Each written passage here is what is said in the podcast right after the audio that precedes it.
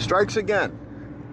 It all strikes again. It is uh, Sunday. I don't even know what the fuck the date is today. I'm assuming it's probably the 7th, uh, October.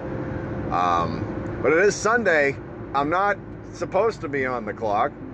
But holy shit, this weekend it's one hell of a weekend. I, I, I, honest to God, it, what a fucking shit show. What a fucking shit show. It all starts off yesterday morning. I send a text message to the uh, wait, the um, weekend guy, and uh, the, you know I sent it at about I don't know eight o'clock in the morning. He starts at eleven. We have a, a 11, 11.30, you know shift start around that time frame. So I, I shoot a message early just to let him know that everything's ready to go and everything's all set. Sends me a message back saying he's out of the country. And if I were like a bottle of rum and a cigar, you know, or a bottle of rum or a cigar, whichever, whatever the fuck he, he said. Um, and I, am thinking to myself, this guy's got to be kidding around or breaking my balls or something. He can't real, literally be out of the country. But, um, you know, 11:30, you know, comes and we got a pickup in Westford, so I called the lab. I talked to one of the techs, and she goes, "Oh, you know, nothing was picked up yet." And they got like, a, you know, two stats and this and that, and the lab wasn't picked up over there as well. And I'm thinking, okay, so I say, if it doesn't get picked up around 12 o'clock, let me know immediately because something fucking is going on. She says, okay. Still, you know, 12 o'clock rolls around, nothing's picked up. There's about a hundred patients that were not picked up and there was a lab draw of an infant, a six month old who has jaundice, was not picked up. That was a stat, by the way. Plus, you know, that's in the pediatric firm, which is, you know, in the same building as the Westford lab is, that we, you know, we pick up from as well. But it wasn't picked up because no one is fucking on the clock. No one's working. He really did take off uh, the country. So I'm thinking, you got to be fucking kidding me. What a shit show. What a disaster. So then I get the manager calling me. I'm explaining to her. I say to her, you know what? I, I was like, you know what? Right up front, I don't even, I usually have an answer. I do not. I can't even fucking begin to, to make an answer or just pull one out of my ass right now. I just cannot even give you something straight up. I just, I don't have. I don't have an explanation for this one. The, the, you know, if I don't have to contact my fucking boss, you know, if I, the, the least I, I involve him, the better. You know, I, I just do not want to, but obviously I had to in the circumstance. So I called him and I said, hey, did you know the weekend driver's out of the country? I was not aware of that. You weren't aware of that. Okay, well, guess what? He just, I guess he just fucking packed up and left then. You weren't aware of it. I was not aware of this. I don't know what to do. I said, well, you know what? I said, I'm changing my alternator today. I'm, there's no way in hell I can get up there. You know, the route's about now two hours behind. Shit's piling up left and right. There's two stats um, that get called in on top of the Westford stuff. We get this Middlesex school, and we get a Walden uh, Girls for School that, you know, that's remote around, you know, the hospital we take care of, but it's not getting picked up. That's the point. I don't know. I have no idea. I said, well, I, I tried calling the Boston guys too to see if they can cover this. I, I don't know what to tell you, man. I can't, I'm fucking not accessible. I can't do it. Well, uh, and then they would get the sighs, the sighs roll in. okay, dude, I know you got like fucking COPD. I know you got a fucking breathing issue because you like to smoke fucking 16 packs of cigarettes all in one sitting within like a two hour time frame. I understand that. But you know what? Why don't we start thinking and coming up with a solution and an answer? Because I'm sick and tired of being the one to come up with a solution and the fucking answer where I, I get paid shit to do it. You know, let's let's throw the ball in your court. Let's see how we're gonna handle this. Well, he says to me, I get to come up from Rhode Island. Okay, here we, yep, very good. Finally, you, you, you're fucking doing something. You're finally fucking doing something. So he said, okay, let them know I won't be up for like a couple hours. It's probably going to be around four o'clock. I'm going to be up there. Okay, mind you, it's like, you know, 12:30, 1 o'clock now. This that I'm getting these calls and we're communicating and everything. So, okay, he gets up there, 4 o'clock, this and that. He picks up, goes in the lab, according to one of the texts. You know, I get the record, you know, I get the recording and everything. I, I, I just, uh, just got to load it up. But I, I, I will definitely uh, put that, post that up so you guys can hear the, the, the conversation that took place. But fucknuts goes in and apparently walks in all smug.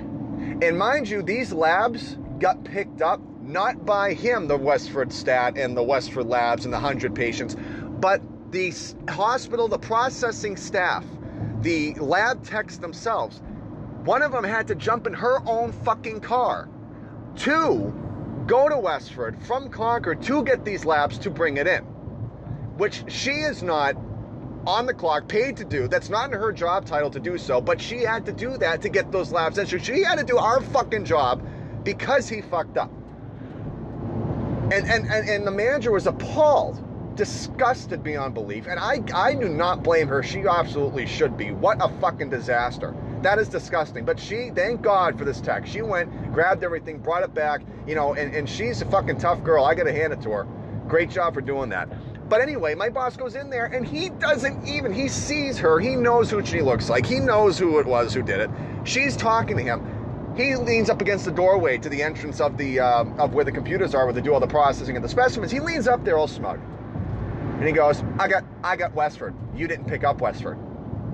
She goes, uh, no, that is not true. I had to go there and get the fucking stats that were late. I had to go there and get the lab supply, the, the labs that were sitting there from over 100 patients I'm the one who brought that in. Well, I went there again and they still had something. Yeah, no shit, you fucking moron. Of course they had something. But you want to know why they had something? Because there's another two hours where more patients come in. So of course they're gonna have shit after she after she picks it up and brings it back. There's gonna be there's a whole nother run you just you just picked up. Of course they're gonna have more stuff.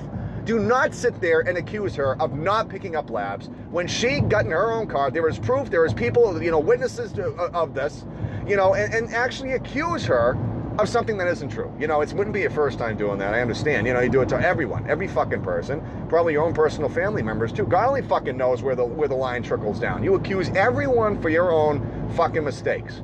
You know, you like to pass the stick and, and do this to people, but uh, yeah, she got pissed off, and you, you you'll you'll hear the talk once this is uh, fully you know loaded up and whatnot, but my God, to sit there and, and, and put her down. He gave her an attitude. So then the best one is when she was when she, we were talking, and you'll hear this too what he did was, she says, I got the I got the labs. I got everything. I got this and that. And he goes, he twitches his head, she says.